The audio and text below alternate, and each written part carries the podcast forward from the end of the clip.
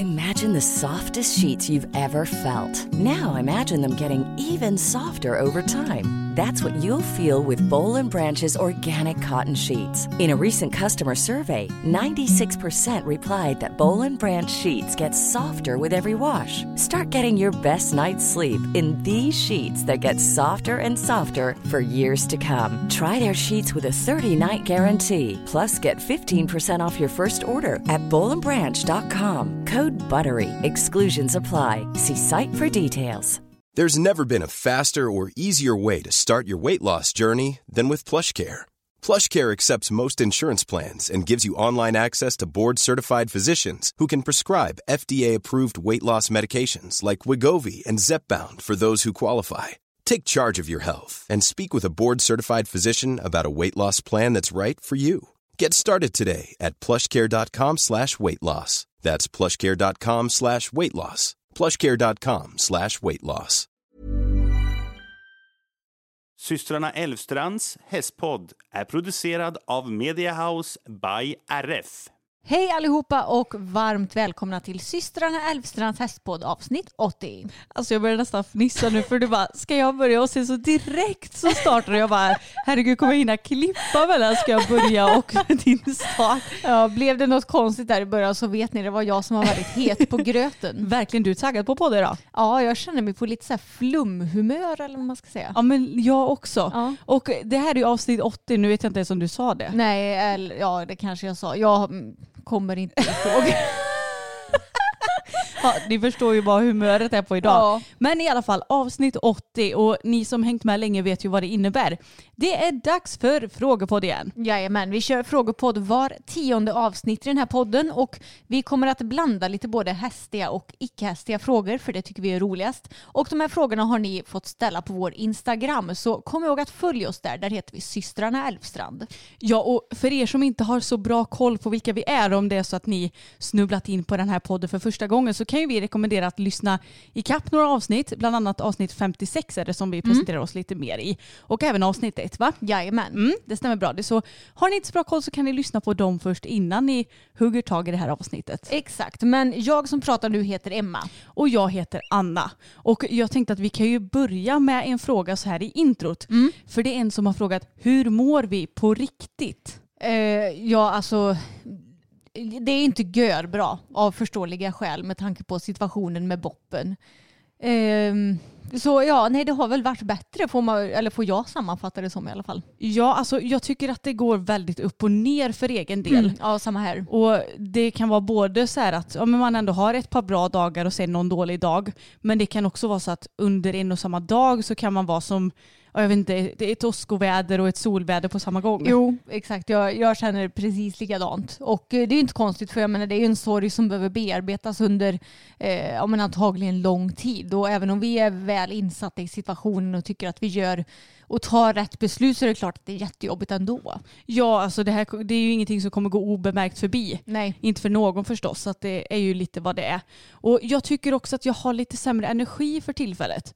Och det är Ja. inte heller så konstigt. Jag menar, har man ont någonstans eller mår man lite sämre så är det inte konstigt att man blir lite tröttare. Nej, exakt. Och eh, fysiskt för min del så har det ju också varit bättre. Ja, men ska vi ta introt först innan du får berätta varför du okej. har ont? Det kan vi göra.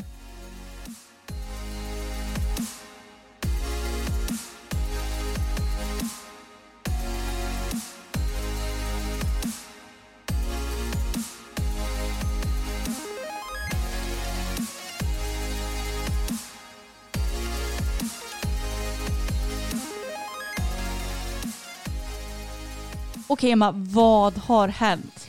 Nej men eh, nu börjar ju Bella komma igång igen och eh, jag ju... Hon känns bara bättre och bättre. Nej, jag ska...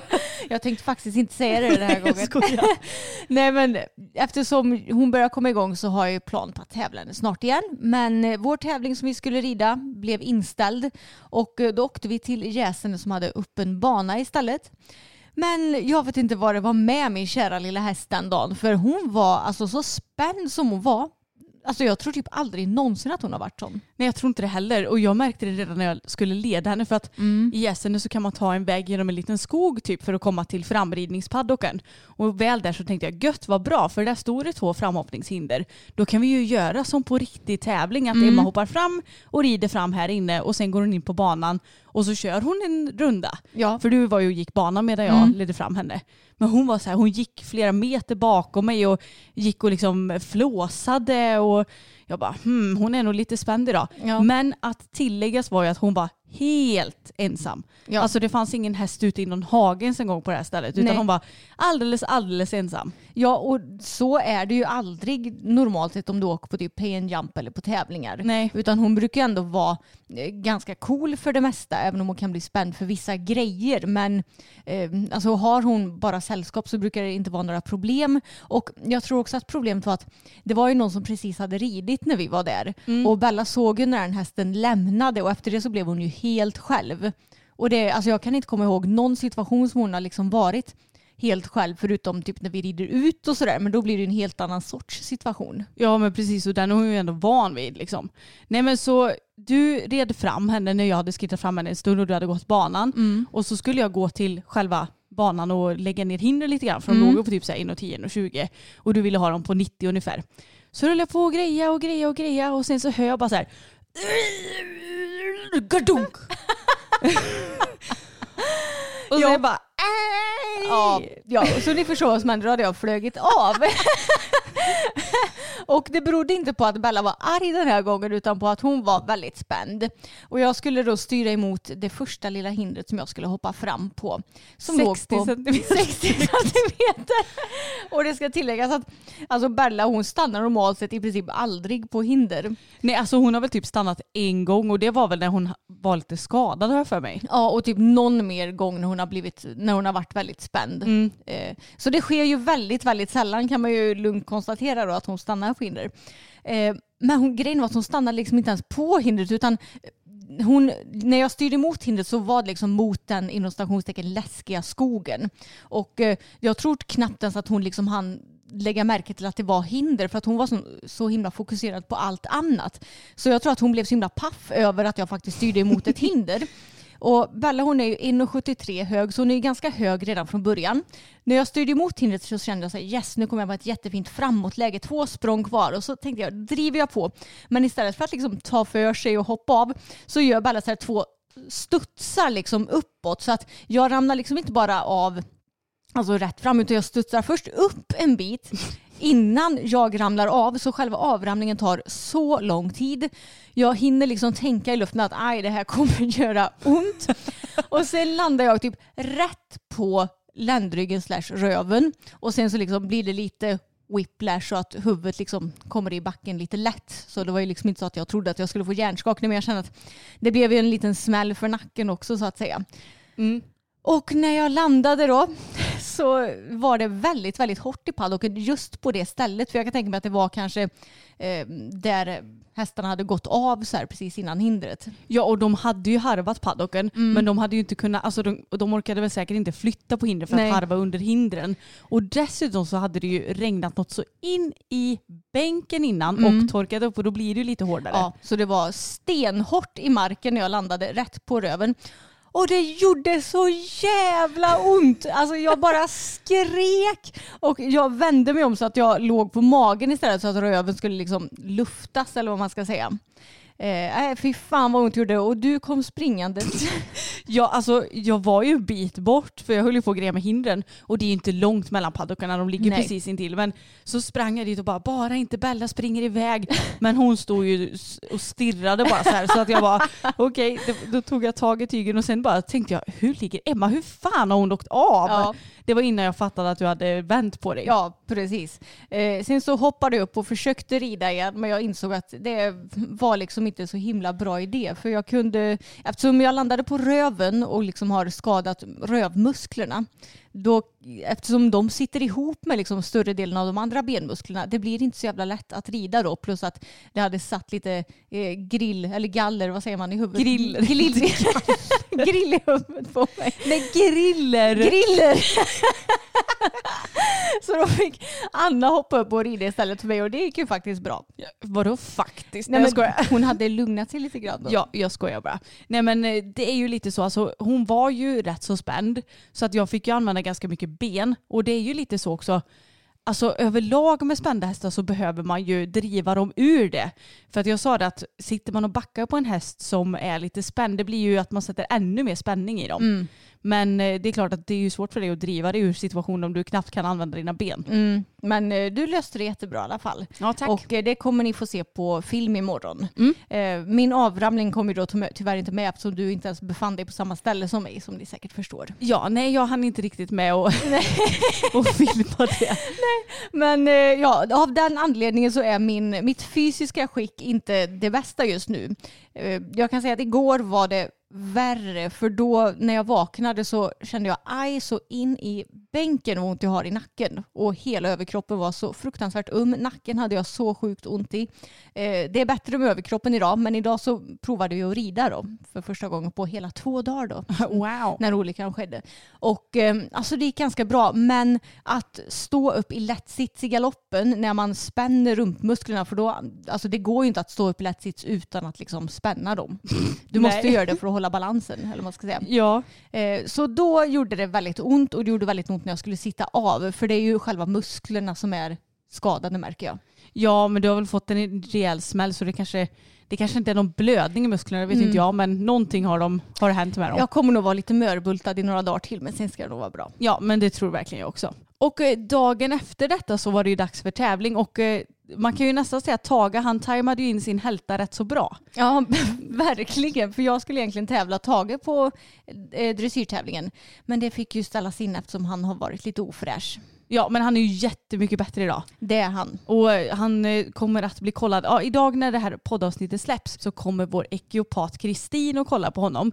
För jag misstänker att han antagligen har typ sträckt någon muskel eller någonting. För att när, jag, när vi tittade på honom i fredags så longerade jag lite snabbt på banan bara. Och då tyckte jag att han var fräsch, alltså rent hältmässigt. Men han gick ju med rumpen lite åt höger. Ja, precis. Så jag tror att han försöker avlasta någonting. Och Så tänker jag att hon får kolla på honom och så får han vila några dagar och så ska jag rida igång honom. Och känns han fortfarande inte bra får vi självklart boka in en veterinärkoll. Men jag hoppas att det bara ska varit någon liten sträckning. Men Ja. det blev ju ganska så vältajmat i alla fall. Ja, för jag kan säga att igår hade jag absolut inte kunnat både sitta ner i traven med min stackars röv och liksom kunnat rida med min stackars överkropp och nacke och allt vad det var. Och driva med dina stackars ben. Nej, precis. Så det var nog tur i oturen att det blev som det blev med Tage. Ja, verkligen. Men eh, Fokusnoke var ute på tävling i alla fall och alltså ja, han var ju superbra i allt. Förutom på banan igår.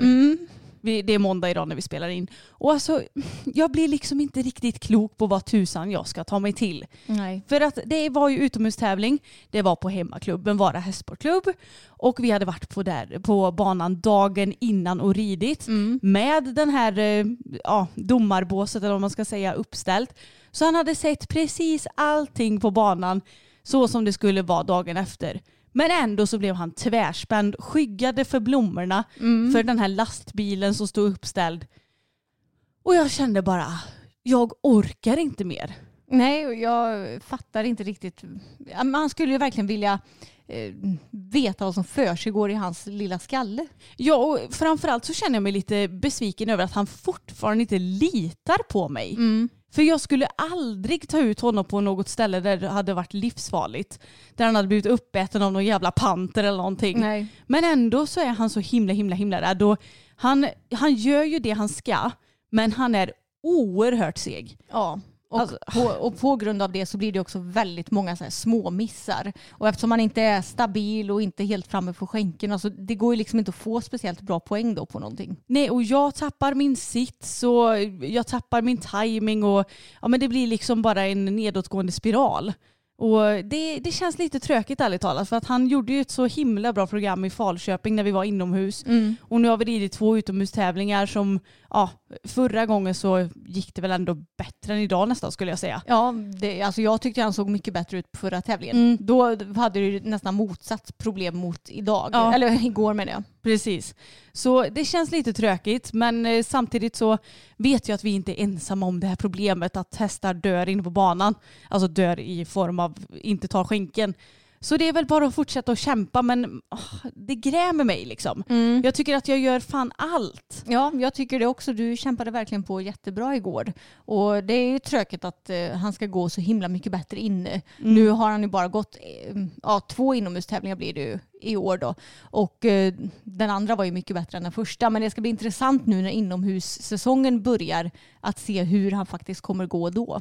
Ja och det tråkiga är också att jag tror att vi kommer hinna med så tre inomhustävlingar enbart. Mm. Så man hinner ju knappt få någon inomhussäsong överhuvudtaget. Nej, det, det är inte så lång inomhussäsong på dressyren. Det känns som att den är mycket längre i hoppningen. Mm. Så jag känner mig lite bitter, även om jag inte skyller på min häst och säger att han är dum i huvudet eller någonting, för att han kan ju inte rå för att han blir spänd. Nej. Men man skulle ju vilja fråga honom va- varför? Hur kan jag hjälpa dig? Ja. Vad, vad är det som är problemet? Mm. Vad vill du att jag ska göra? Ja. Det hade jag verkligen velat fråga honom. ja, jag förstår det. Men jag tycker alltid att du får satsa lite på hoppningen på utomhussäsongen i framtiden, Anna. Jag, jag får göra som du skojade om i förra avsnittet. Precis, du får göra det. Ja, men jag är ju inte så sugen på att hoppa alltså. Men du har ju en jättebra hopphäst. Jag vet. Mm. Han får väl sälja som hoppas istället. Nej, jag skojar. Nej men vi får se. Just nu är jag bara lite bitter och lite omotiverad. Men Mm. det, samtidigt så är det bra för vi har ju fortfarande två stycken division 2-omgångar kvar Ja. som jag har planerat att åka på. Så hade det varit en vanlig tävling så hade jag kanske bara nej nu orkar jag inte bry mig om den här skiten nu mer, nu orkar jag inte tävla på ett tag. Mm. Men nu tvingas jag ju ändå fortsätta träna mot det. Så att eh, Ja. det kanske är bra ändå. Du får se det som träning och du får ju se det som så att nu har du haft ändå två tävlingar på vad jag skulle säga är er lägsta nivå. Om man jämför med hur bra han har gått tidigare och hur, ja, men hur han går på framridning och allt sånt där. Och ni får ändå godkända poäng. Du fick ju nästan 63 procent den här gången. Nej, 62,2. Jaha okej. Ja. Ja. men drygt 62 procent då. Ja. Och eh, när du hade er lägsta nivå förut så var det typ 55 procent. Så ni har ju ändå blivit bättre även om jag förstår att det är jättefrustrerande med tanke på att så som han går på typ framridningen och så som han går hemma så skulle ni ju snarare ligga på ja, men närmare 70 procent skulle jag säga. Ja men precis, det är lite det som jag känner också att vi har utvecklats extremt mycket men det syns ju inte så mycket i tävlingsresultaten alla gånger. Nej. Och jag är jättetacksam över att vår lägsta nivå är mycket, mycket bättre nu. Och det ska man ju liksom inte underskatta och det gör jag inte heller. Men jag vill komma vidare. Jag vill ju snart upp på Mills C liksom och då känner jag att då kan ju inte jag gå runt och ha 62 procent rundor i lätt A. Nej. Det, funkar inte riktigt. Nej, så att ja, jag, jag är lite, jag, jag vet inte, jag, jag törstar efter mer liksom. Ja, jag förstår det. Ja, men nu har vi uppdaterat om eh, ja, men både Bella, Fokus och eh, lilla Taggy Buggy. Och vi har ju fått en tid för boppen också. Ja, det har vi fått och det är många som har frågat det också. Eh, Så det här kan ju vara en del av själva frågestunden också kan man säga. Och eh, Boppen kommer att tas bort den 2 september. Ja, så det närmar sig nu vilket känns skitjobbigt men eh, samtidigt så, ja men på något vis så är det ju skönt att få det överstökat också. Ja, alltså det, jag tror det kommer kännas lättare för oss efter att det är liksom avklarat eller vad man ska säga och det är ändå skönt att ha fått ett datum även om det var väldigt jobbigt ja, men precis när vi fick det datumet. Nu har man ändå någonting att liksom kunna ställa in sig på. Precis, för annars så var det så här, ja men vi vet ju typ inte när det kommer ske och då, då går man runt och är ledsen och glad för att han fortfarande finns i livet, är ledsen igen och ja, det, man, det är så himla omtumlande liksom.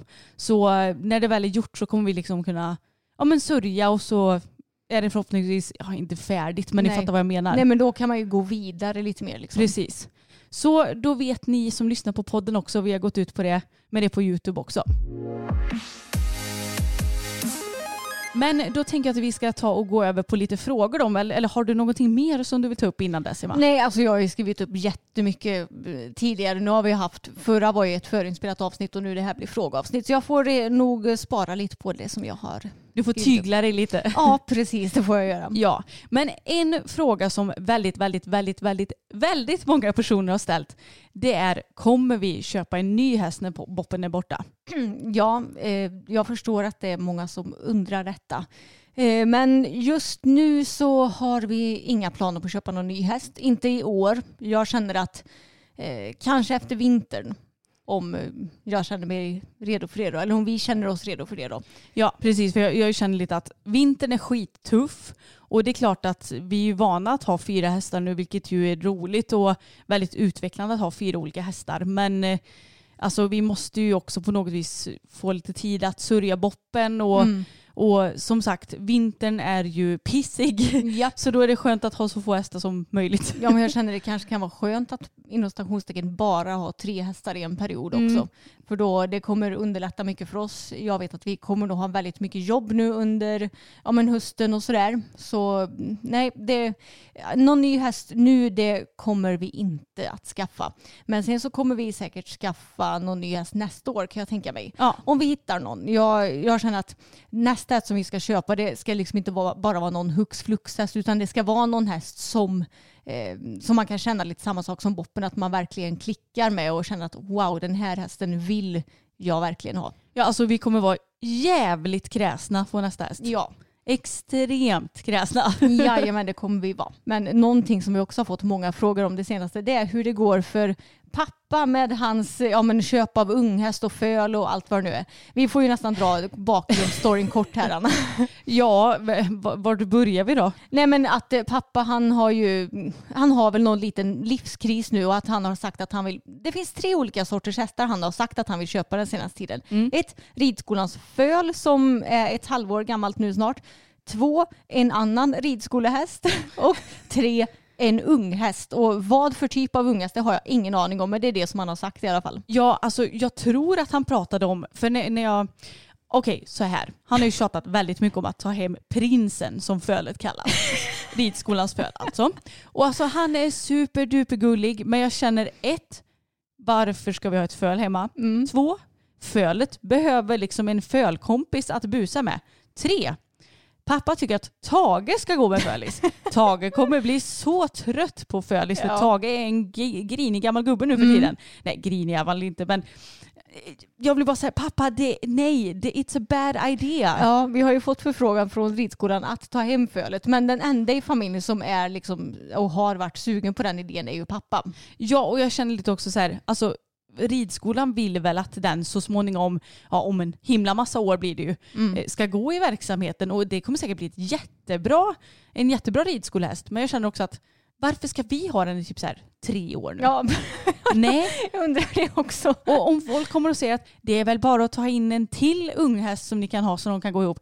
Nej, men vi, alltså, vi har inte så mycket mark. Nej, och vi har sagt att vi ska inte ha fler inackorderingar hos oss. Nej. Vi ska liksom, de hästarna som eh, ska stå hos oss nu, det är ju, ja, vi har ju en inackordering. Men sen så ska det ju bara vara våra egna hästar. Ja, och vi har också sagt att den dagen som vår inackordering flyttas kommer vi inte ta in någon ny ändå. Nej, precis. För att vi känner lite att vi orkar inte med spring på gården. Nej. Sara är ju hur bra som helst så det är verkligen inga bekymmer med henne. Men Mm. nej, det, det kommer liksom inte bli någon annan. Nej, exakt. Och sen så har han ju också sagt, när jag sa att nej men varför ska vi ha prinsen hemma? Då sa han, ja men ett halvblodsföl, de vill köpa ett halvblodsföl.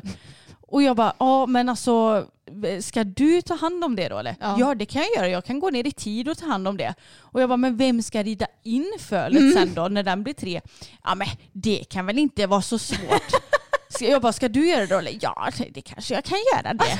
Många som har ridit in hästar. Jag bara, alltså på riktigt, du är liksom 60 år snart gubben. Ska du rida in en häst? För första gången i ditt liv. Ja, alltså ja. Jag vet inte vad han har för planer, vår Nej, kära pappa. och vad han har för verklighetsuppfattning om hur, eh, ja visst det kanske är jättelätt att rida in vissa hästar men du har ju säkert inte heller någon aning om hur lätt eller svår någon häst kan vara att rida in. Nej, det är det jag tänker också. Och fine, vi hade ju säkert kunnat ta massa hjälp av Anna från Ja. marken och så här och förbereda inför inridning och det kanske hade gått hur bra som helst. Men jag, jag känner fortfarande att jag orkar inte riktigt med det arbetet själv i alla fall. inte jag heller. Och och jag känner att ska vi köpa någon mer häst, vilket vi ju såklart kommer göra någon gång i framtiden, då ska det väl ändå vara en häst som vi redan kan rida på och som vi kan inom stationstecken utnyttja med en gång. Ja, och som vi kan provrida och känna att det här är något för oss. Ja, precis. Och inte göra en eh, fokus. Nej, precis.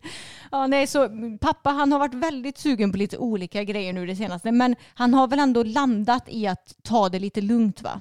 Ja, jag hoppas det. Jag har försökt, alltså senast igår, Mm. att få honom att inse att vi, prinsen kan inte vara hemma hos oss för att Nej. han behöver en kompis som är likasinnad. Ja. Men han bara, men vart ska han vara annars då? Jag tänkte bara, ja för vår gård är det enda stället i världen där han kan bo. Nej, så vi, vi får se. To be continued får Ja, vi väl säga. precis. Jag sa det att alltså det hade inte förvånat mig om han hade så här, tagit vår transport och sen en dag så kommer prinsen bara gå här utan Nej. att han har sagt något till oss. Lite så. Och då blir, blir jag arg och han bara ah, men det är faktiskt jag som bestämmer det, sa han till mig också. Ja, för det är ju inte alls vi som tar hand om hästarna 24-7. Nej, precis. ja, to be continued, hela den här historien helt enkelt. Exakt.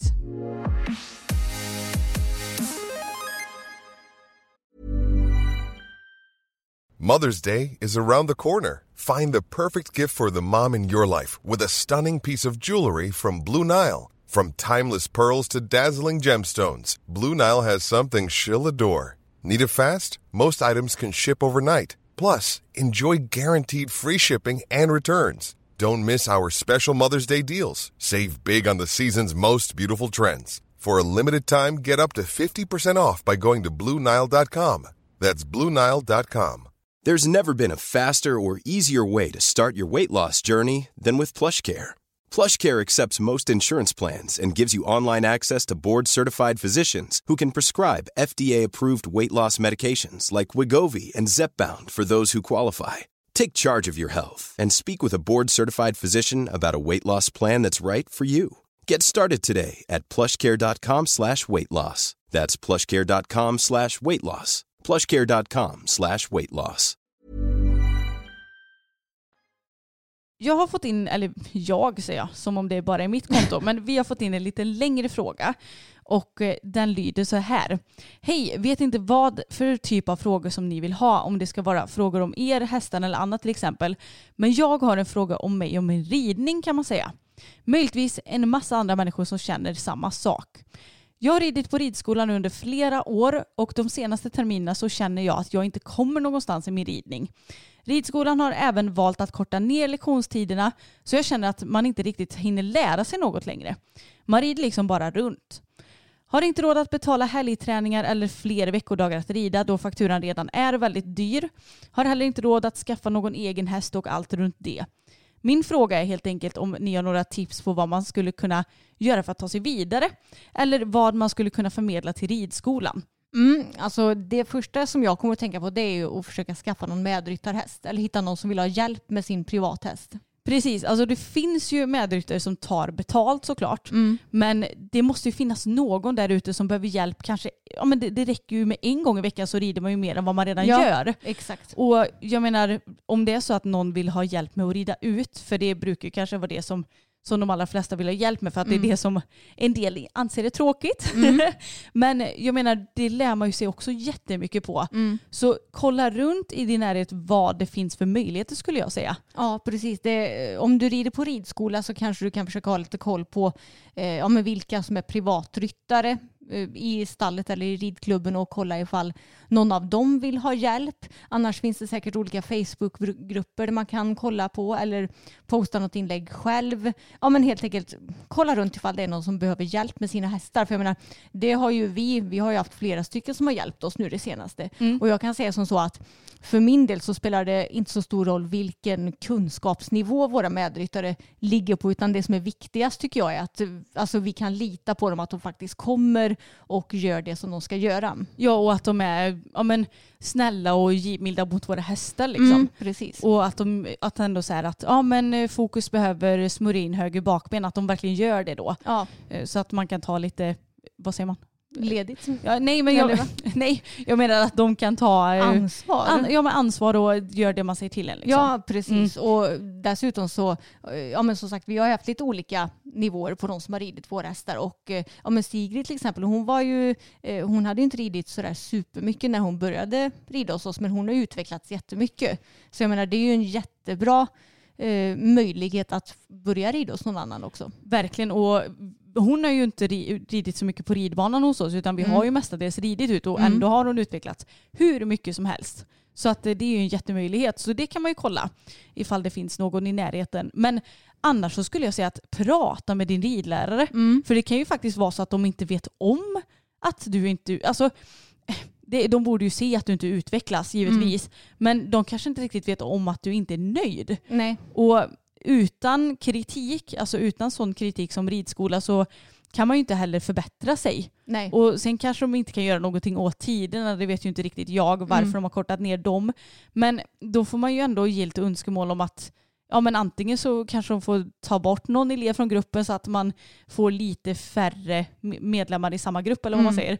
Eller göra någonting för att jag, jag tror att det bästa är att vara öppen alltså. Ja, och jag tänker att hon kanske behöver byta grupp också. Ja, det, kan ju också hända. det kan ju vara så att hon är i en grupp som är för... eh, Hon skulle behöva byta till en mer avancerad grupp tänker jag. Ja, och något som man också kan passa på att göra när man ändå är på en ridskola, det är att det finns ju ofta så här hopp och dressyrspecialer eller vad man nu är intresserad av för gren. Och passa på att sitta och titta på dem. Mm. För man kan lära sig mycket av att sitta och titta och lyssna på vad tränaren säger. Och man kan ju också fråga om man inte får lov att stå i mitten med tränaren. Ja. Kanske den behöver hjälp att bära hinder och höja och sänka och greja. Då får man kanske ännu lite mer närmre kontakt. Och det är klart att man får inte störa tränaren när den står och, och instruerar. Men man kan ändå stå där som en tyst liten medhjälpare och, och ta in det som sker. Ja, jag vet att eh, Sten han är nog tacksam om han får lite hjälp att höja och sänka hinder och sådär när vi har träningar. Ja, men det får inte vara någon tjattrig än. Nej, För då blir han sur. Och det är med all rätt. För att jag menar, de som betalar lektionen är ju ändå de som ska bli instruerade liksom. precis. Men eh,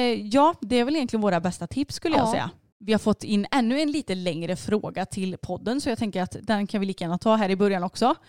Det är många som tycker att man ska size up inom citationstecken så fort man är en centimeter åt det längre hållet på ponny.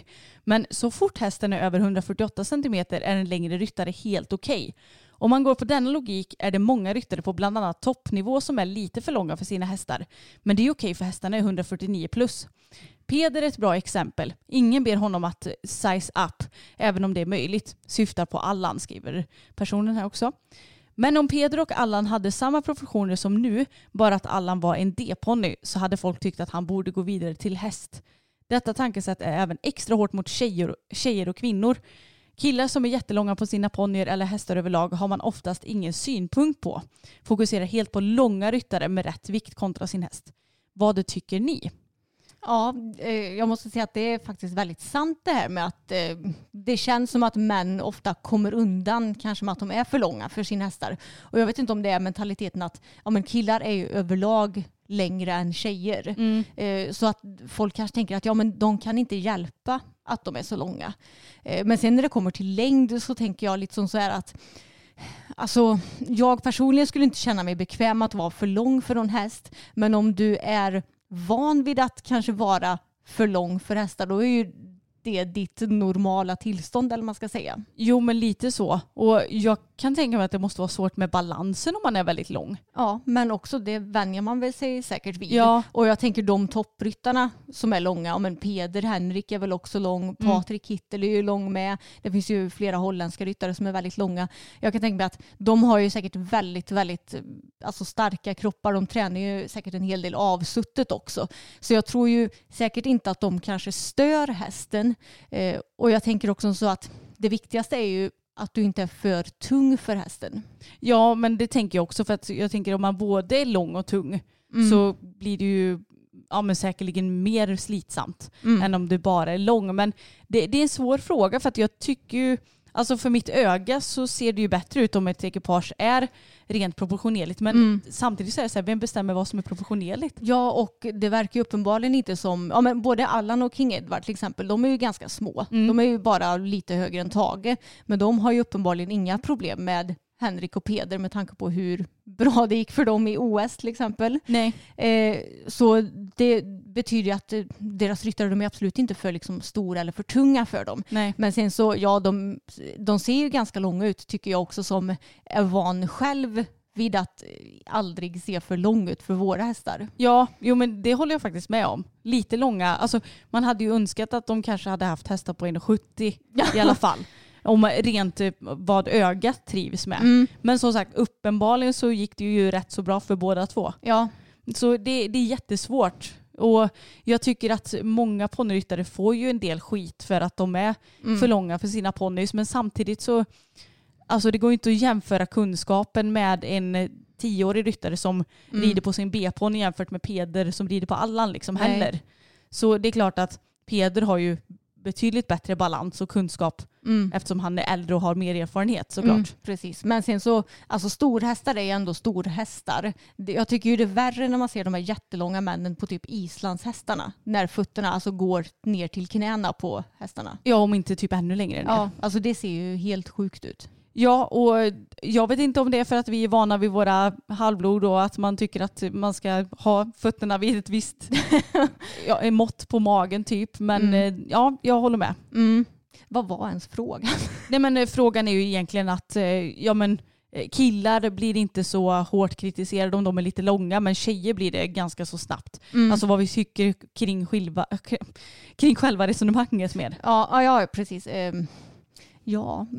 Ja men det är ju konstigt. Jo. Men samtidigt så, alltså vi är ju inte så drabbade själva. Nej, exakt. Så, Just kring det här att vara för långt för sin häst. nej, så jag tror att vi har nog aldrig riktigt eh, reflekterat över det hela så mycket. Och vi har ju nästan aldrig ridit ponny heller. Nej. Så, och jag är nästan aldrig och tittar på ponnytävlingar så att jag ser hur liksom, ekipagen ser ut. Och eftersom jag är så himla van vid att rida jättestora hästar själv. Alltså jag är ju bara 1,68 men Boppen är 1,82, Bella är 1,73. Alltså det är ju mitt normala. Mm. Och eh, jag menar då kan inte jag jag, jag tycker inte att det blir rättvist då att jag ska bedöma hur typ ett ponnyekipage ser ut för jag tycker ju att nästan alla är för långa för sina hästar för att jag jämför med hur jag ser ut på mina hästar. Ja, precis. Mm. Så vi tycker väl egentligen inte så mycket mer än att alltså, så länge balansen är okej och Mm. eh, man kanske inte är både för lång och tung för sin häst så är det väl helt okej. Ja, liksom. precis. Så länge inte hästen störs och påverkas negativt av Nej. det. Och det får man ju hoppas att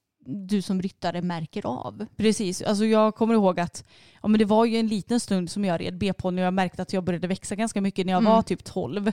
Och då märkte man ju helt plötsligt att jag var inte så bekväm att hoppa B-ponnysarna men det gick ändå helt okej att rida dressyr. Mm. Och då, då blir det ju naturligt att man vill gå över, eller för mig var det så i alla fall. Mm. Även fast jag grät inombords när jag fick sluta rida underbara Rasmus Rapid. Ja. Men vad tror vi att det beror på det här då? Att tjejer kritiseras mer? Ja, jag vet faktiskt inte. Nej, inte jag heller. Det är väl att eh, överlag så tycker man väldigt mycket om, om tjejer. Kanske inte lika mycket eh, tyckande kring killar. Eh, Killar kommer ju undan med Ja. betydligt fler grejer. När Är de kom- stökiga i skolan så, Ja. har de, så är de bara lite... Boys will be boys. Ja. Ja. men, när det kommer till hela samhället. Och sen tänker jag också när det kommer till ja, men ponnys, när det kommer till ponnys då kan ju både tjejer och killar vara för långa eller för stora. Medan när det kommer till storhästar då är det ju väldigt få tjejer kanske som är för långa. Eller som Ja. kan vara för långa. Alltså jag, har, jag har aldrig varit på en tävling det senaste där jag tänkt oj, den personen är lite lång för sin häst. Alltså vi är ju Mm. bara på storhästtävlingar. Så ja, det, blir kanske ett väldigt luddigt svar det här. Har ett väldigt luddigt svar ja. Men i grund och botten så håller vi ju med om att det är konstigt att killar inte får någon kritik eller att det pratas om det. Verkligen. Nu tänkte jag att vi ska reda ut ett begrepp här Emma. Mm. Are you ready? Mm. Vad är egentligen skillnad på varmblod, halvblod och fullblod? Jag vet vad kallblod är. Mm. Alltså varmblod och halvblod är ju samma sak. Mm. Det finns ju egentligen ingenting som heter halvblod. Nej, det fanns ju det förr. Är du säker på det? Inte helt säker, men det, det var ju så att man kallade dem för halvblod. Jo, alltså vi kallade ju förr i tiden så kallades, eller så kallade vi i alla fall våra, eh, vad ska man säga, ridhästar för halvblod. Mm. Men egentligen heter det ju varmblodig travare om det är en travhäst. Eller varmblodig ridhäst. Till Mm. exempel svenskt varmblod eller Mm. danskt varmblod. Så halvblod det är ju en varmblodig ridhäst bara att man säger det på ett annat vis för att inte folk ska tro att det är en travare. Ja, men det är kanske så. Det Mm. kanske var så begreppet kom upp också. Jag tror det. Mm. Och fullblod är ju galoppör, Ja, helt precis. enkelt. Engelskt fullblod. Det finns väl ja, men arabiskt fullblod fast det, Och- det Fran? Nej. Jo, det finns nog också. Eller franskt varmblod finns nog förresten. Ja, just det, trav, Ja. travhäst. Ja. Men det finns väl ett par olika fullblodsraser. Men Ja. just XX, då är det ju engelskt fullblod. Och Mm. det är ju galopphästar då. ja, och ox är ju arab. Ja. Så fullblod är ju lite mer ädla hästar kan man väl säga. ja, det skulle jag säga. Och Mm. ja, men fullblod, de kan ju både tävla i galopp. När det kommer till fälttävlan så är ju många hästar eh, har mycket fullblod i sig för att de ska orka ja, men med terrängen och eh, uthålligheten. Mm. Så fullblodshästar har väl lite bättre uthållighet än vad eh, varmblodshästar har kanske man kan säga. Ja, säkert lite så här om man tänker till muskler. Lite Mm. längre och slankare muskler som är bra till just så här uthållighet. Precis. Och det är samma araberna, eller arabiska fullblod, de är ju väldigt bra till distansritt. mm, precis. Så då ser man ju ofta där. Och för er som inte vet vad kallblod är så är det, det de grövre hästarna. precis. Ardenner, nordsvensk, Mm. kl- fjording räknas också som Ja, kallblod. Det Ja. finns ju också varm, eller, varmblod, ja, det finns ju också kallblodstravare. ja men precis. Mm. Så det finns ju lite olika. Men jag undrar ju egentligen vem som bestämde vad som är vad och vart det kommer ifrån. Ja, precis. Det vet vi inte. Nej, men jag upplever det som nästan än idag om vi säger ja, men vad har ni för hästar? Ja men vi har eh, ja, men, säg svenskt varmblod eller danskt varmblod så kan ju folk fortfarande tro att vi har travare när vi Mm. säger det. Precis. Så det är nog väldigt mycket därför som halvblod fortfarande används. Ja, säkert. Och alltså, det blir av ren vana att jag säger att vår är halvblod ibland. Ja. Det är en som frågar om vi fortfarande har en höbal på sommaren. I våra hagar alltså. Eh, nej, alltså vårt mål är att inte ha det men när det har varit sån torka som det har varit nu så har vi varit tvungna att ha det. Ja, alltså det är väl snarare så här. Pappa pressade lite hö. Det blev en lite för liten höbal för att plastas in så han ställde in den. Mhm. Så det har egentligen inte behövts men alltså de har ju gått och snacksat lite på den. Ja, ibland. Så ja, vi har inte så mycket hö på sommaren men ibland så kan vi ställa dit någon. Mm. Det är en som har frågat hur känner Anna inför alpackafrågan? Eh, Jag undrar ju vad då för alpackafråga? Ja, fin- Finns det något? Det är inte så att jag eh, alltså, tänker att vi ska skaffa alpackor. Nej för du känner väl lite att vi inte riktigt har tid med det va? Ja. Fast uppenbarligen kan man ju bara skaffa djur och låta dem gå i en hage utan att ens typ exakt. ta på dem. Men ja. alltså jag är ju lite rädd för alpackor, det får jag erkänna. Och Det är inte jag. Jag tycker att de är väldigt söta men jag, för den delen skull så tänker jag inte att vi ska skaffa någon själv. Nej, eller hur? Har ni hellre lite för långa eller lite för korta stigläder? Eh, lite för korta. Mm, jag håller faktiskt med. Sigrid, vår medryttare, är tvärtom. Hon är heller lite för långa. Ja, alltså hon, längre, hon är typ några centimeter längre än oss va? Ja, 1,77 tror jag hon är. Är hon så lång? Ja, hon har sagt det. Men Jaha. jag tänker inte att hon är så lång. Nej jag tänker inte det heller. Men så är det väl när man, när man umgås med någon som helt plötsligt växer upp och blir längre. Man tänker att de fortfarande är kortare Ja. en själv. Men hur som helst, hon lägger ju hur många hål som helst. Mm. Jag bara, alltså, du är ju typ samma läder som pappa som är 1,85. Ja. Alltså det värsta jag vet är att rida med läder som man känner, och nej jag når inte riktigt ner. Nej. Alltså usch jag får panik. Då har jag hellre lite för korta så man får kämpa sig upp lite mer i stigbilden. Ja, så blir lite mjölksyra. Mm. Har vi någon tävling som, med vardera häst som vi aldrig glömmer? Har du något sånt där som du kommer på? Oj oj oj. Ja, men jag kan börja lite då. Eh, med Boppen så måste jag säga att det var ju väldigt kul den tävlingen i Töreboda där vi kom trea i en, var det 95 vi red då? Ja det måste det ha varit va? Mm, och jag tyckte att ja, men jag, jag red bra, han var fin, det var kul. Och alltså jag har inte tävlat sådär skitmycket med honom men det, det var en väldigt fin tävling tycker jag. Alltså jag är ju helt blåst känner jag men jag kommer typ inte riktigt på någon tävling. Alltså det finns ju många tävlingar som har känts väldigt bra. Vissa som har känts väldigt dåliga också. ja. Men alltså jag kommer inte på någon specifik för jag menar både Boppen och Bella har gett mig jättebra känsla på många tävlingar. Mm. Men eh, alltså, va, det måste ju varit någon tävling där ni tävlade inom 10 när det ser ut som en, alltså jag vet inte vad, walk in the park för er. Jo, men det var ju så himla länge Ja. sedan också. Så du kanske har glömt bort en specifik tävling. Ja. Men det är helt okej. Mm. Har du någon tävling med Tage då som du minns? Nej, alltså förlåt men jag kommer inte på något, något vettigt svar på den här frågan. Inte med Boppen och inte med Tage. Nej, Med alltså, Bella då? nej, alltså ingen som sticker ut ur mängden förutom att det har känts väldigt bra många gånger. Ha. Mm. Ja, med, med fokus är det inte så svårt. Det är ju Falköpingstävlingen. Ja. Och kanske också ehm, tävlingen i Götene när vi hoppade. Mm. För det var ju vår första felfria runda och han kände så himla fin och glad och var ändå väldigt lugn med allt omkring.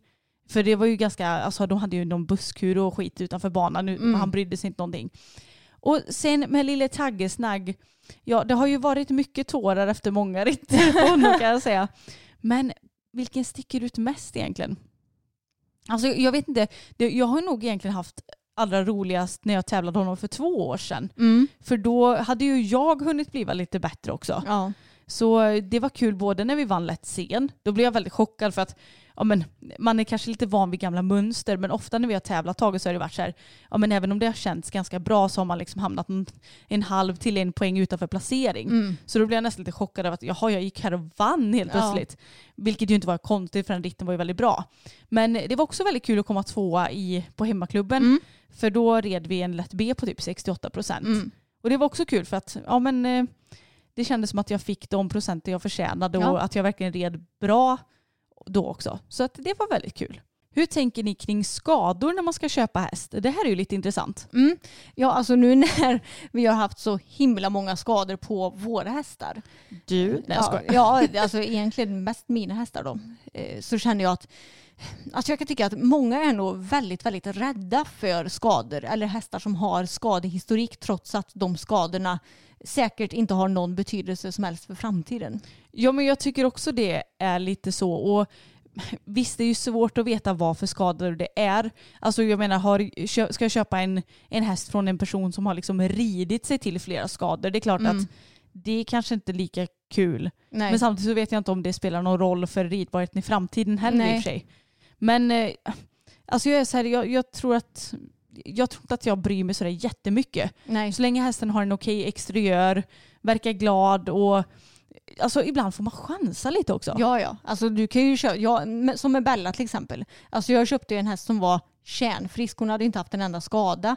Men eh, sen så skedde ju olyckan i hagen och hon fick sin diskskada. Och det, den hade ju kommit oavsett om hon hade haft någon sorts skada innan eller inte. Mm. Så jag menar, det, det går liksom inte att göra saker rätt känns det som när du ska köpa häst. Nej, och det känns lite som att här, ska man röntga hela hästen bara för att hitta någon liten benbit och sen skita i det på grund av det. Alltså, Mm. Jag fattar att man kanske inte chansar på en häst som kostar flera miljoner. Nej. Men om, när det handlar om hobbyhästar i vår pli, pr- prisklass, Mm. prisklass så man måste våga chansa lite också. Ja, och typ så här röntga ryggar och sådär. Fan, varannan häst har ju kissing spines Mm. till exempel och det är ju ytterst få hästar som får problem med det. Precis. Jag, jag känner att ska man leta fel på varenda häst, det kommer inte finnas en enda häst som är liksom helt perfekt. Nej, jag tänker det också. Och bara man försöker i så stor mån det bara går att variera form och träning så Mm. bör ju de allra flesta hästar hålla för det. Ja, precis. Jag känner att vi har nog blivit mycket mer, vad ska man säga, Alltså, Avslappnade. avslappnade när det kommer till skador mot vad vi var förr i tiden när vi inte hade så mycket erfarenhet och kunskap om det hela. Och eh, jag menar, det är ju bara att titta på ja, men veterinärer. Jag vet att eh, ja, men många som är veterinärer de vågar ju faktiskt chansa och köpa hästar som har diverse skador för att de vet om att det kan funka ändå. Mm. Jag tror att det är många som inte har så mycket kunskap snarare som blir avskräckta av att höra att hästar har diverse skador. Ja men kanske det kan vara så. Nej men så jag, jag tänker att ja, det är klart att man kan ju inte chansa hur mycket som helst för man ska ju inte bara ja nu köpte jag en häst för 150 000 och så var jag tvungen att ta bort den så nu har jag inga pengar kvar. Nej. Alltså, det är klart att man inte kan tänka så heller Mm. men jag, jag tror ändå att man kan våga chansa lite mer i livet än vad man faktiskt gör. Vad lyssnar ni på för andra poddar? Det var nog ett tag sedan vi pratade om det här va? Mm, jag kanske ska ta fram min lilla poddlista. Okej, de poddarna jag prenumererar på. Flashback Forever, topp 1 i Sverige. Fråga Anders och Måns. Ursäkta. Tombola Podcast. Frågar åt en kompis. P3 ID. P3 Historia. P3 Musikdokumentär. Eh, Creepypodden i P3. P3 Dokumentär. En mörk historia. Rättegångspodden och Spöktimmen. Ja, jag har inte alls så många poddar i min, mitt flöde. Det är Flashback Forever, det är P3 Dokumentär, vilket jag, alltså jag lyssnar ju typ aldrig på dem. Nej. Det är så här två poddavsnitt om året eller något, så jag vet Mm. inte ens varför jag prenumererar på den egentligen. Och sen så är det Spöktimmen och sen så prenumererar jag också på Sommar och Vinter i P1. Ja, det har jag lyssnat en del på nu också. Mm. Men alltså, nej jag är nog lite dålig på att lyssna på poddar och, Mm. och så blir jag lite så här, de poddarna jag lyssnar, då lyssnar jag hellre om avsnitt av dem. Ja, jag har ju också lyssnat om ja, men, Spöktimmens avsnitt hur många gånger som Mm. helst. Flashback Forevers avsnitt håller jag också på och lyssnar om. Mm, jag med. Eh, jag har, alltså det, det är lite svårt där med att börja lyssna på nya poddar för det ska krävas väldigt mycket för att jag fastnar för någon podd. Jag med. Och Emma bara, alltså du måste lyssna på Ursäkta-podden och det är den podden med Johanna Nordström och Edvin Törnblom Blom. heter han ja. Mm. Eh, och alltså jag gav ju det ett avsnitt men jag lyssnade ju tydligen på det sämsta avsnittet de Ja, släppte. du lyssnade ju på det avsnittet som de släppte efter att Johanna eh, hade blivit, eh, alltså åkt ur Masked Singer. Mm. Och det är typ det enda dåliga avsnittet som de har släppt. Ja, det var helt vedervärdigt. Så Mm. att jag, eh, jag lyssnade i fem, eller nej jag gav det lite mer tid. Men jag Mm. bara, "Eh, nej, nej det går inte. Nej, men de är så roliga. Alltså jag lyssnar ju mycket på humorpoddar, dokumentärpoddar, true crime. Ja men det är ju typ de kategorierna som jag lyssnar på. Jo men det är väl lite samma här. Lite övernaturlighet. Ja, och ibland så kan jag gå in och typ, jag lyssnar eller jag prenumererar inte på P3 Musikdokumentär men Mm. ibland kan jag gå in och titta och de är faktiskt jätteintressanta. Ja, jättebra. Så det kan vi verkligen tipsa om. Mm. Här har vi fått en fråga. Vad tycker ni om ridtravare och även att de har gått upp rätt högt i pris jämfört med några år sedan? Alltså det har vi ju ärligt talat ingen koll på att de har gjort det ens en gång. Nej, alltså jag har, jag har så dålig koll på ridtravare överlag känner jag. Mm. Eh, och eh, har ju ingen aning om vad de kostar idag. Jag, däremot så vet jag att de kostar väl typ så här 5 000 förr i tiden. 5-10 000 att köpa. minst det typ. Ja. Nej men det, var väl, det är väl såklart väldigt olika. Jag personligen, som det ser ut idag, skulle aldrig vilja köpa en ridtravare själv. Och det handlar inte om att jag tycker att det är en dålig häst, för det är det inte. Men jag, jag känner lite att jag jobbar på med så mycket annat ändå och vill nå lite tävlingsmål. Så då orkar inte jag riktigt att jag ska behöva alltså, lägga ner massa tid på att jobba upp galopp och trav också. Nej, och skola om Nej. Mm. precis. För jag, jag känner lite att alltså, jag har tillräckligt att göra ändå med min häst. ja, men lite så. I synnerhet Ja. nu efter fokus så känner jag verkligen att jag har tillräckligt att göra ändå. Mm. Eh, Så det här med att skola om känner jag inte riktigt för att göra och det är väl helt enkelt därför jag inte har fastnat för just ridtravare. Nej, precis. Men eh, alltså, vi har ju ridit en hel del travare för vi har ju släktingar som eh, jobbar med trav och sen hade vi ju en ridtravare här på gården. Han var ju hur trevlig som helst, hoppade fint och var väldigt Mm. liksom, rolig och trevlig att rida på marken. Så alltså, vår erfarenhet egentligen av att ja, men, rida travare är ju väldigt bra. Ja. Eh, Men sen så skulle vi ju inte skaffa någon själva men de kan ju bli väldigt fina också i dressyr och hoppning.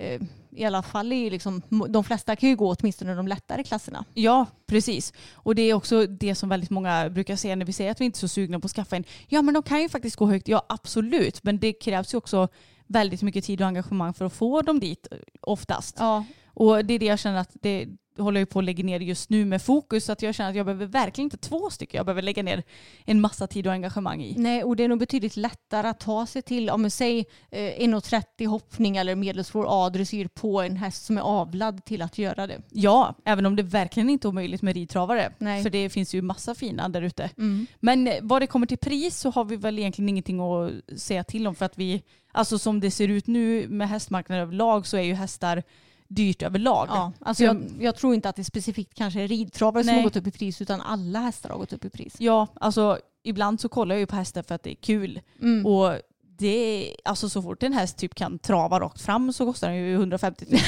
ja men det är ju helt galet. Ja, ja, så var det inte back in the days när vi skulle köpa vår första häst Bosse och Tage och allt vad det var. Nej. Alltså jag undrar på riktigt vad typ en häst som Boppen hade kostat idag. När vi Ja, köpte ja, om man hade varit i samma ålder, samma utbildning och allt Mm. sånt där, undrar vad han hade kostat idag? ja. Mm, det vet vi inte. Nej. Ja, när vi ändå är inne och pratar lite om eh, Bosse då. Mm. Vad hade er första häst Bosse för egenskaper? Ja men han var ju för det första otroligt snäll. Vilket var väldigt tur för det Mm. hade, alltså vi, vi provade honom en gång och sen bara, "Ja, vi köper väl den här hästen då. Alltså det hade ju Ja. kunnat vara vilken häst som helst. Typ.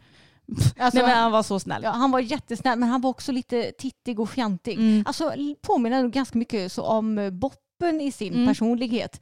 Eh, fast Bosse han gick ju ändå typ rida ut själv på sådär. Ja. Eh, sen så tvärt, tvärt emot eh, Boppen då, så var ju Bosse väldigt tittig på hinder, vilket ju inte Boppen är. Nej. Eh, så där var de lite olika. Men han var ju supersnäll. Han rörde sig egentligen ganska trevligt, hoppade väldigt fint, trots att han var byggd på ett lite lustigt sätt. Eh, lite, han var ju åt det segare hållet att rida. Mm. Så han hade inte jättemycket egen energi utan du fick verkligen träna på att ja, men, rida med ben och hålla ihop hela paketet. Så vi lärde oss väldigt mycket på honom även om han var ju liksom ingen tävlingshäst. Nej han var ju inte det men å andra sidan så om vi hade haft samma häst idag så hade vi ju säkert kunnat alltså, komma runt lättare hoppklassen Mm, honom. Precis. För då var vi inte så duktiga själva heller. Eller Nej. vi var inte så erfarna så. Exakt. Men alltså han var verkligen en bra första häst. Ja, jättebra. Och jag vet att han flyttade ju sen till en, det var ett ridgymnasium va? Mm. Och det kan jag tänka mig var perfekt för honom. Mm. Att han var en perfekt skolhäst. För han var ju så himla trevlig att rida. Så himla snäll. Och jag kan tänka mig att han trivdes med de rutinerna också. Ja, göra samma sak och vara på samma ställe. Ja, inte behöva kanske åka ut och tävla och sådär så mycket utan ja, men, eh, lära liksom elever att vara en schysst liksom, skolhäst. Ja men verkligen. Undrar varför vi inte frågade ridskolan varför inte de ville köpa honom. Ja, det fråga. väl lite konstigt så här i efterhand. Ja. Ja, nej men så vi sålde ju honom då och det är ju, han är ju lite ökänd för att vara den enda hästen som Älvstrands har sålt Ja. i livet hittills. Och det var 14 år sedan. ja, vi har inte sålt en häst på 14 år. Vet inte riktigt vad det säger om oss. Nej, vi har lite, vi, vi, vi är för sammankopplade med våra hästar. Mm. Har ni några tankar kring att Patrik Kittel hade vanligt träns på SM? Alltså det, det jag tänker det är att alltså själva problemet med hela sporten är att det blir så himla stort fuss about this. Ja, eller hur? Mm. Varför kan han inte bara få tävla på träns om han nu vill tävla på Ja, träns? och that's it. Jag förstår inte riktigt vad grejen är. Eh, och sen så har inte jag läst någon artikel eller hört någonting vad han har sagt om det själv.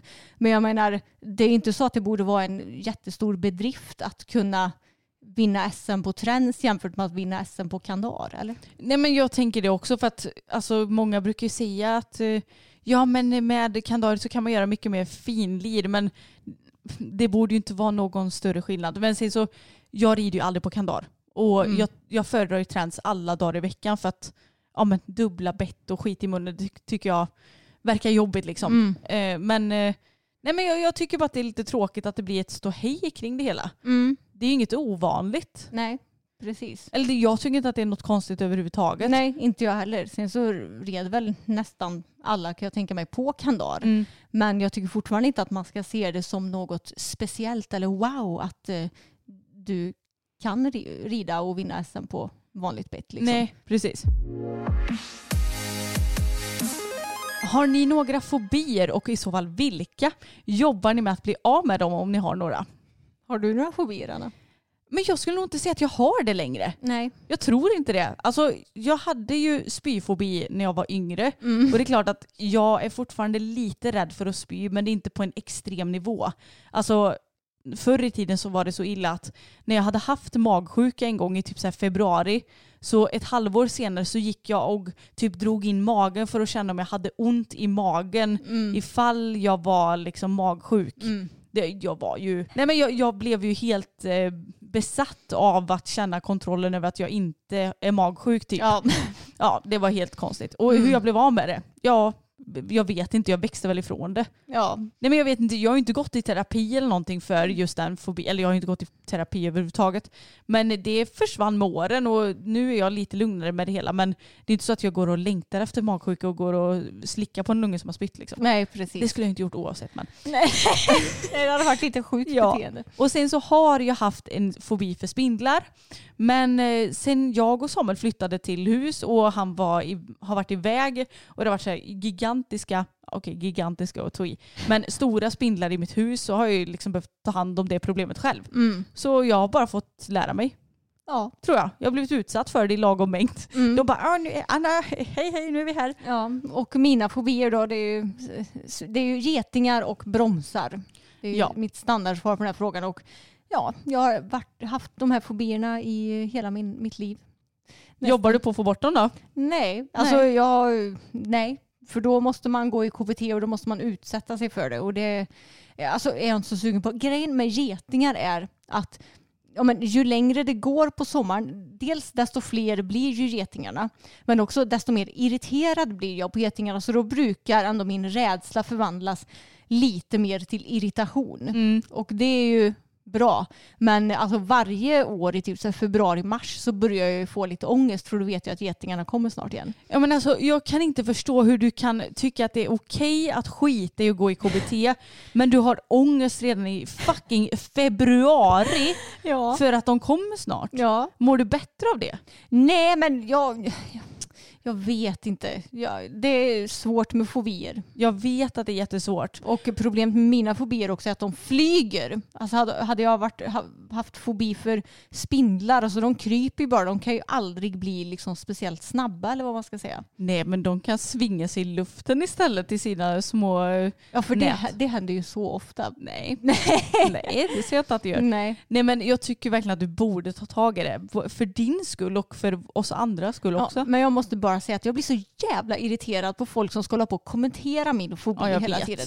Typ, eh, ja men jag nu på sensommaren, alltså jag hatar att äta ute.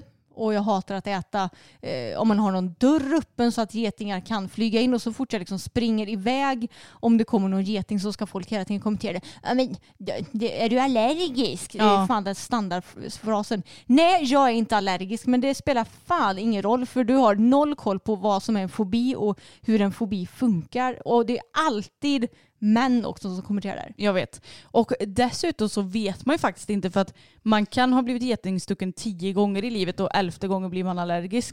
Har jag fått för mig i alla fall. Jag ska inte säga att det här är helt 100% källa. Nej. Men jag har fått för mig det i alla fall. Och jag tycker också det är så respektlöst att folk bara Nej men är du därför getingar? De kan inte göra någonting. Nej, jag vet. Fast det spelar ingen roll, man kan ju vara rädd för svarta saker. Alltså, Jag kom på det nu bara för att det ligger ett linsskydd här bredvid mig. Mm. Nej, men alltså, det, det är ju inte så att man säger att alla fobier är så himla logiska alla gånger Nej, heller. och folk tror att jag liksom är rädd för att bli stucken. Nej, jag är inte rädd för att bli stucken. Jag, jag kan liksom inte säga exakt vad det är jag är rädd för. Nej. Det, är liksom inte, det är så som fo- fobier funkar. Mm. Jag kan inte säga exakt vad jag är rädd för, bara att jag, eh, jag är inte bara rädd för det. Eller? Det blir jag trött på, folk som tror att en vanlig rädsla och fobi är samma Mm. sak. Det är det inte. Eh, fobi är mycket, mycket, mycket, mycket värre. Mm. Jag är höjdrädd, men jag har fobi för getingar. Ja. Och det är stor skillnad. ja, det finns många grejer jag är rädd för. Däremot, jag är rädd för höjder, jag är rädd för att bli sjuk. Alltså inte så här att jag går runt och tror att åh åh, nej nu är jag lite förkyld utan jag, jag vill bara inte bli sådär riktigt jävla skitsjuk. Jag är rädd för vatten, eller det som är i Mm. vatten snarare. Jag med. Och jag är rädd för ja, men, att bli sövd. Alltså Mm. tappa kontrollen själv framför allt kanske. Jag, jag har blivit sövd en gång och, det, och jag var så rädd inför det. Men sen så insåg jag att det gick ganska bra. ja men gud det finns så mycket jag är rädd för. Ja. Att skada mig är jag också väldigt rädd för. Mm. Jag är egentligen inte så rädd för att få ont men jag är rädd för att skada mig. Mm. Att typ såhär, åh nej nu har jag brutit foten, måste hoppa på kryckor i åtta veckor. det är Ja, ju jag så, vet. Alltså sånt där är jag också rädd för. Mm. Så mycket rädslor i livet har vi men kanske inte så många fobier ändå. Nej, jag har ju två då, Ja. som jag inte pla- planerar att jobba på mer än det jag behöver göra. Jo, Men jag orkar inte och jag... Nej. jo, för allas skull. Jo. Nej. Nej. Nej. Om en nära kompis till er skulle rida på till exempel kandar, skulle ni ha sagt något då? Nej, eller... Vad, eller vad är det vi skulle ha sagt? Jag gillar att du säger nej, eller? nej men eh, om, om vi skulle sagt typ att ah, varför rider du på kandar för? Jaha. Nej alltså grejen är att alla gör sitt eget val här i livet. Mm. Det som vi pratar om i det här podden det är ju vad vi inte gör. Ja, precis. Eller vad vi gör. Ja, och att vi pratar generellt också om själva sporten och hästar, i, hästar generellt. Ja, exakt. Så att hade vi haft en kompis som ridit på kandar så får väl hon eller han göra det bäst de vill. Liksom. Ja, ja, vi kanske har någon enstaka kompis som gör det. Ja, inte vad jag kan komma på på rak arm, men det, det kan ju hända att det blir så i framtiden. Ja. Alltså, det spelar ju liksom ingen roll. Nej. Har ni haft någon inom citationstecken ful period någon gång? Alltså känt er ofräscha eller fula eller sådär? Alltså så många. Ja, Alltså, alltså, när, jag, när jag kollar tillbaka på gamla bilder och det är liksom inte så att det går någon rak linje utan jag kan tycka så här att ja, när jag var så här upp till kanske fem år, bara, åh vilket sött barn. Sen tycker jag att jag blev jätteful fram tills typ, ja, ursäkta mig att jag kommer låta lite hård om mig själv, men jag tyckte inte att jag var fin fram tills typ puberteten. Sen såg jag ganska bra ut så här, eh, ja men gymnasiet. Men sen efter gymnasiet fick jag en till ful period. Håller du med Anna? Jo, men det gör jag väl kanske. Alltså, jag får ju ändå, du är ändå min syster och du tar ju inte illa upp Nej. över att jag säger det här. Men, Nej. men alltså, det är nog så här, man har ju, alltså, om vi nu ska vara rent eh, utseendefixerade, Mm. man har snyggare och fulare perioder i livet. Ja, Och man har perioder där man experimenterar, man testar hur... olika ögonbryn. Alltså jag hade ju perioder jag typ rakade bort hela min ögonbryn Ja. Så alltså man, man kan inte hela tiden vara 100 procent. Så det är så och vissa perioder så går man ju bara runt i, i typ så här jättefula kläder. Och, men jag känner lite också så här, är inte det rätt skönt att ha så här fulperioder också? Jo. Man inte riktigt orkar bry sig Nej. så mycket. Men jag bryr, alltså min senaste fulperiod, det var ju typ så här 2018, kanske lite så här 2019 och mitt hår var riktigt så här kast Jaha. efter, eh, efter att jag hade blekt sönder och färgat sönder. För jag tyckte att jag var så här, eh, snygg så här 2016, 2017 men sen så förstördes ju mitt hår helt och hållet så jag hade typ ett stort hål i bak på skallen och, eh, och sådär. Och då kände jag mig kanske inte så jättesnygg men samtidigt så var det så här, jag bryr mig inte.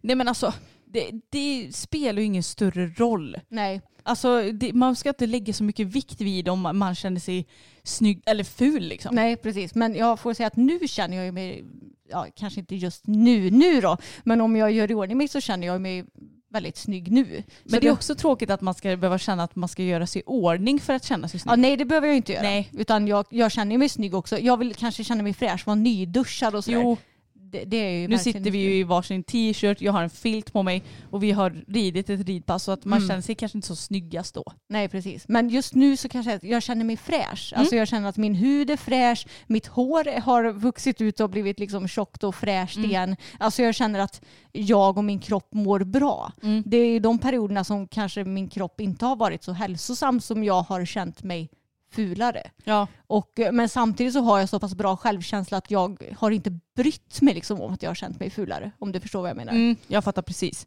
Nej men så det är helt okej att känna att man har fulperioder vill Mm. vi ju bara säga. Men du då, du har varit lite mer... eh, Alltså du har inte varit så himla mycket upp och ner som jag har tycker jag. Det är kanske inte, men jag, jag vet inte, jag, jag tror att jag snarare kanske inte har så här lång, och när man tittar tillbaka bara oj vad ful jag var 2012. Mm. Utan jag är nog mer såhär bara idag känner jag mig inte så jävla snygg. Nej. Och idag känner jag mig snygg och Mm. alltså du vet att det kan vara mer dag för dag. Ja, precis. Så vi är alla olika. Ja, du har varit mycket mer konstant än mig tycker jag. För när jag, Konstant ful, Ja. det jag skojar. Nej, men när jag tittar tillbaka på mig så kan jag ju verkligen se olika ful och snygg perioder. Men när man tittar tillbaka på dig så tycker jag att du har ju sett, ja men efter puberteten eller vad man ska säga så har ju du sett bra ut hela tiden tycker jag. Ja, tackar. Det var ju gulligt sna- eh, sagt av dig.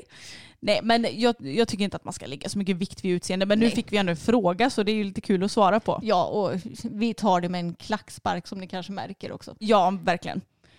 Hur ser ni på dagens samhälle när allt börjar i tidig ålder? Alltså barn som dricker och röker och, och sånt där. Mm. Ja, alltså jag funderar på dagens samhälle när, när man kollar med typ mamma. Hon började ju röka när hon var 12 år. Eh, Så jag tror att det har nog alltid varit tidigt med många grejer. Tror du inte det? Jag tror nog det faktiskt. Och sa hon inte det att hon drack första gången hon var 13 också? Typ, Jo, så hon började ju tidigare än vad vi gjorde. Ja, ja. Nu har inte vi rökt då, men eh, alltså, vi börjar väl ändå dricka lite mer standardålder, i alla fall för vår årskull eller vad man ska säga. Ja, Men jag tror också det varierar väldigt mycket eh, beroende på person till person. Nu är ju vår medryttare Sigrid, hon är 17 mm. och det är kul att höra hennes perspektiv på hur, eh, hur det är för henne. Och det beror ju, alltså hon gör ju precis som hon vill. Det är det Mm. som är så skönt med Sigrid. Hon bryr sig inte ett skit om grupptryck utan hon gör ju exakt det hon vill och även om hennes kompisar kanske dricker så gör inte hon det själv till Nej. exempel. Så det känns som att Alltså, det är nog väldigt individuellt vilken relation du har till allting. jag tror också det. Och, alltså, det är ju så svårt där för att man vill ju så gärna passa in också. Man är ju kanske i den åldern från, ja, men, från 12 till ja, gud, uppåt skulle jag säga. Mm. Så vill man ju kanske gärna vara som alla andra. Man vill göra som de andra gör. Mm. Jag kände så i alla fall. Jag ville verkligen inte sticka ut för jag ville inte att folk skulle gå och titta på mig. Du vet. Nej, Så att det blir ju kanske gärna att man apar efter vad andra gör. Vilket ju inte är så bra alla gånger. nej. Det kan vara bra i vissa aspekter men inte i sådana. Och jag tycker det är väldigt tråkigt när folk börjar röka och dricka och allt vad det nu är i väldigt Mm. tidig ålder. Även om, här ska jag sitta och säga det som drack innan det blev lagligt. Men ja, jag, jag önskade ju att man kunde undvika det. Mm, verkligen. Och någonting som jag tänker på som kanske börjar tidigt det är ju det här med att sminka sig. Och det kände ju jag var verkligen så här, ja, nu börjar du, eller vi sexan eller nu börjar vi sjuan så nu ska man sminka sig Mm. för att alla andra gjorde det. Det var inte så att jag kände att jag ville eller behövde göra det själv men jag gjorde ju det för att alla andra gjorde det. Ja, det gjorde verkligen jag också. vad är det bästa respektive sämsta med att vara känd? Alltså jag tycker ju inte att vi är kända. Nej jag vet, men vi får väl, för att vara igenkända då. Ja. Eh, det bästa ja, men det är att vi får så himla många fina kommentarer och mycket stöd. Mm. Och speciellt i sådana här ja, men jobbiga perioder som vi har nu. Jag menar, vilken annan hästmänniska får så här mycket stöd när vi ska ta bort vår häst? Liksom? Nej, det är så himla fint. Och Mm. Det känns väldigt härligt att, ja men vi har ju väldigt fina följare också. Sen så hade det kanske inte varit lika kul om man hade haft mycket haters liksom, men det har ju inte vi. Nej, precis. Så vi är jättetacksamma för det. Ja, och att vi får jobba med det som vi älskar också. Ja, verkligen. Och det sämsta skulle jag säga, det är väl när man själv är inne i en dålig period. Alltså antingen att eh, man känner att man inte kommer framåt med hästarna eller man bara har dålig motivation och så måste man ändå få ihop en video så kanske man, alltså vi försöker ju aldrig att fejka fram någonting. Mm. Men det är klart man kan ju inte gå runt i en video och se jättesur ut så då får man ju ändå försöka kicka igång lite så att man ändå Ja. blir lite på bättre humör. Mm. Så det är ju jobbigt när man känner att det är lite längre startsträcka så. Ja, precis. Det händer ju Eh, ganska sällan men Ja, precis. Men sen vad ska man säga till vardags. Alltså, det, det jobbiga är ju när man märker att folk lägger märke till oss Mm. och blir typ obekväma i vårt sällskap eller håller på och pekar och smygfotar och sådär. mm. Eh, det är väl egentligen det. Och att det hade varit skönt att kunna ja, men vara helt anonyma ibland också när vi är ute. Ja men precis, det kan man ju inte riktigt alltid vara. Nej, alltså när vi lämnar vår lilla håla här så blir vi ju igenkända nästan alla gånger oavsett vart vi är någonstans. Ja. Skulle ni tacka ja om ni fick frågan om att vara med i typ Let's Dance eller liknande? Men gud vilken rolig fråga. Okej, Let's Dance hade du tackat ja. Ja, lätt. Jag hade tackat nej big time. Alltså ni fattar inte hur dålig jag är på att dansa. Men jag kan inte heller dansa. Du, Men, du, du har ju li, lite taktkänsla i alla fall. ja, det kanske jag har. Men det var ju förr i tiden när jag gick estet. Jag har Mm. lite tappat det. Nej men alltså det hade varit så kul att lära sig dansa. Fast jag hade ju i och för sig helst velat göra det utanför kamera. Men samtidigt så är inte jag sen och bjuda på mig själv heller i och för sig. Nej. Eh, Let's Dance det hade blivit tvärnej från min sida. Jag hade skämt ut mig så mycket om jag hade varit med. Vad hade du velat vara med i då? Eh, Förutom Postkodmiljonären. Ja, Postkodmiljonär, Fångarna på fortet hade jag velat vara med i. Åh gud nej. Jo.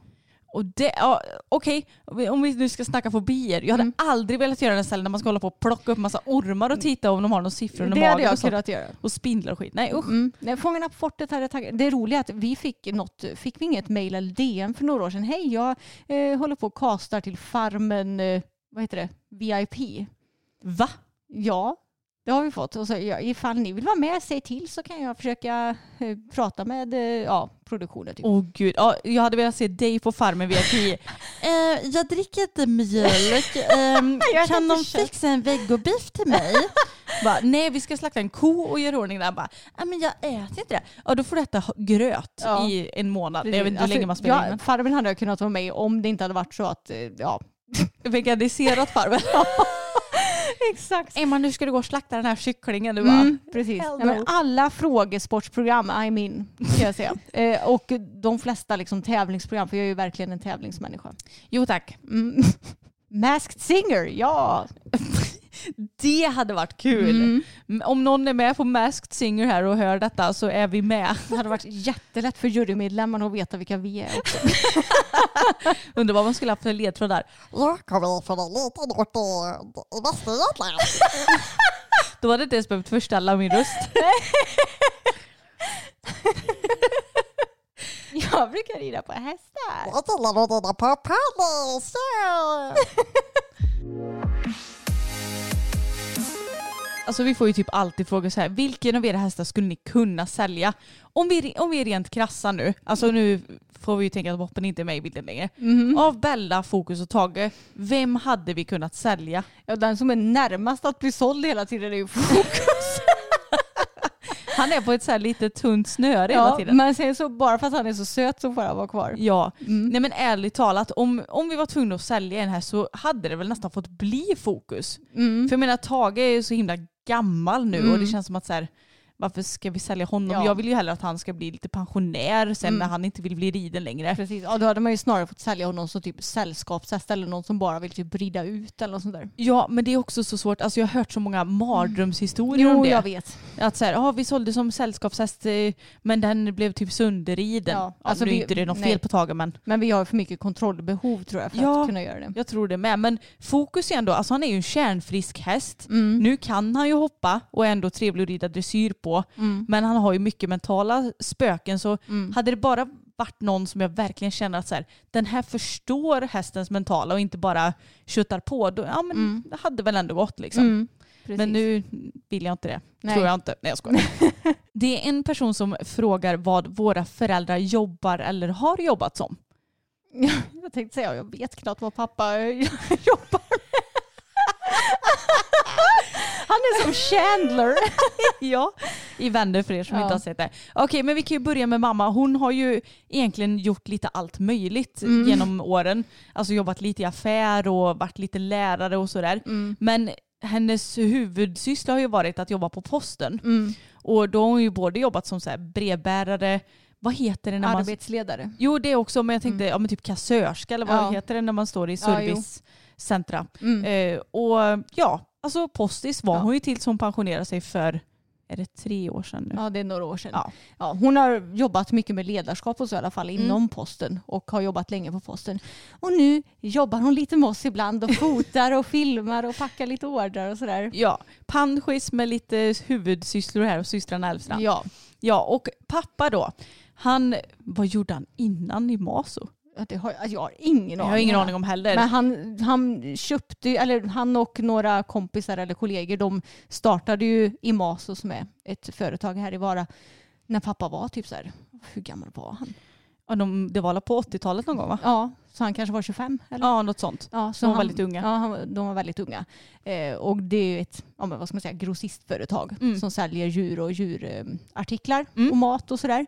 Eh, som har vuxit sig väldigt stort, vilket är roligt. Så pappa har ju varit delägare i det i många år, men sålde sin andel för några år sedan också. Ja, ett par år sedan eller Mm. sånt där va? Så det företaget finns fortfarande kvar och han Mm. jobbar fortfarande kvar men Mm. är inte delägare längre. Ja, men vad fan gör han då? Alltså det, Ja, alltså han är ju Mr Allt i allo så Ja. att det är mycket administrativt med dator. mm. Och jag tror ju att pappa varit med och byggt upp så här affärssystem och sånt där ja. för själva Imaso även om det ligger under någon, något eh, bolag eller vad man nu säger. Jo.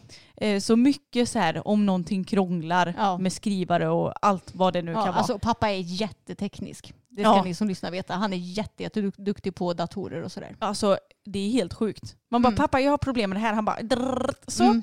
Och sen så är ju också lite så här, ja ventilationen inne på eh, fisken gick sönder nu. Ja Mm. då grejer han med det också. Mm. Så att det är inte bara det att han kan datorer utan han är ju händig och Nej. teknisk. Men jag får säga att jag har ingen som helst aning om vad hans liksom, arbetstitel är. Jag tror inte han har någon Nej, jag tror inte.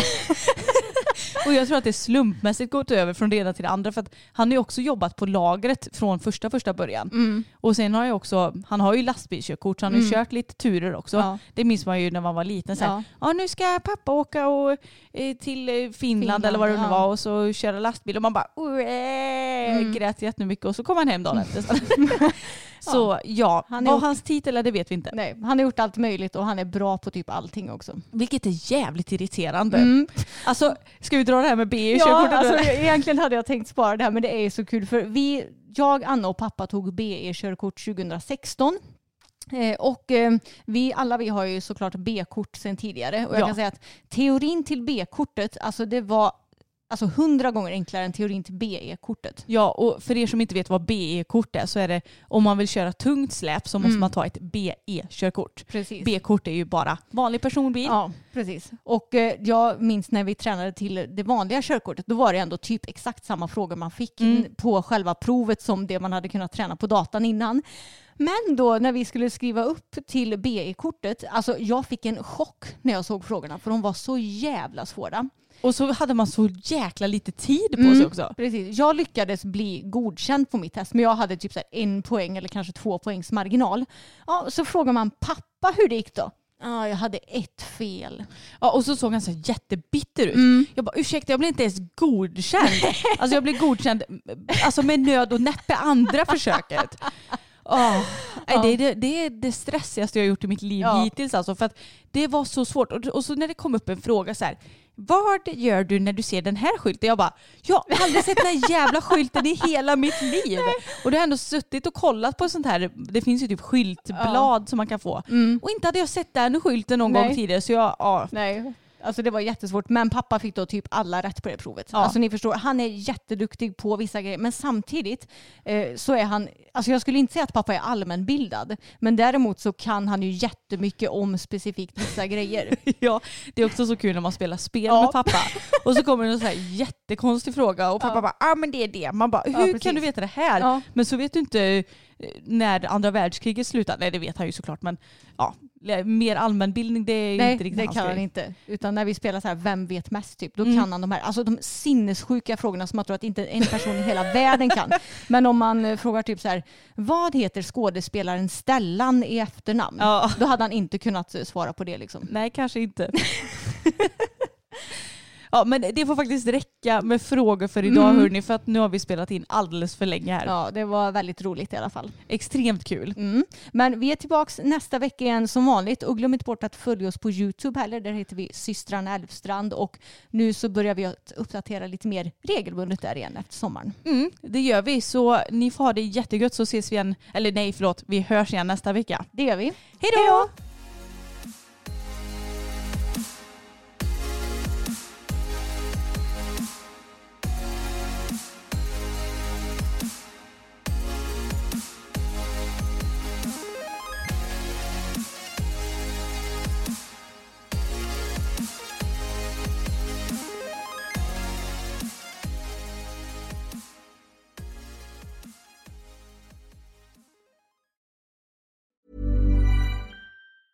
Hi, I'm Daniel, founder of Pretty Litter. Did you know cats tend to hide symptoms of sickness and pain? I learned this the hard way after losing my cat, Gingy. So I created Pretty Litter, a health monitoring litter that helps detect early signs of illness by changing colors, saving you money and potentially your cat's life. Pretty Litter is veterinarian developed, and it's the easiest way to keep tabs on your fur baby's health right at home. Go to prettylitter.com and use code ACAST for 20% off your first order and a free cat toy. Terms and conditions apply. See site for details. Planning for your next trip? Elevate your travel style with Quince. Quince has all the jet setting essentials you'll want for your next getaway, like European linen, premium luggage options, buttery soft Italian leather bags, and so much more. And is all priced at 50 to 80% less than similar brands. Plus, Quince only works with factories that use safe and ethical manufacturing practices. Pack your bags with high-quality essentials you'll be wearing for vacations to come with Quince. Go to quince.com slash pack for free shipping and 365-day returns.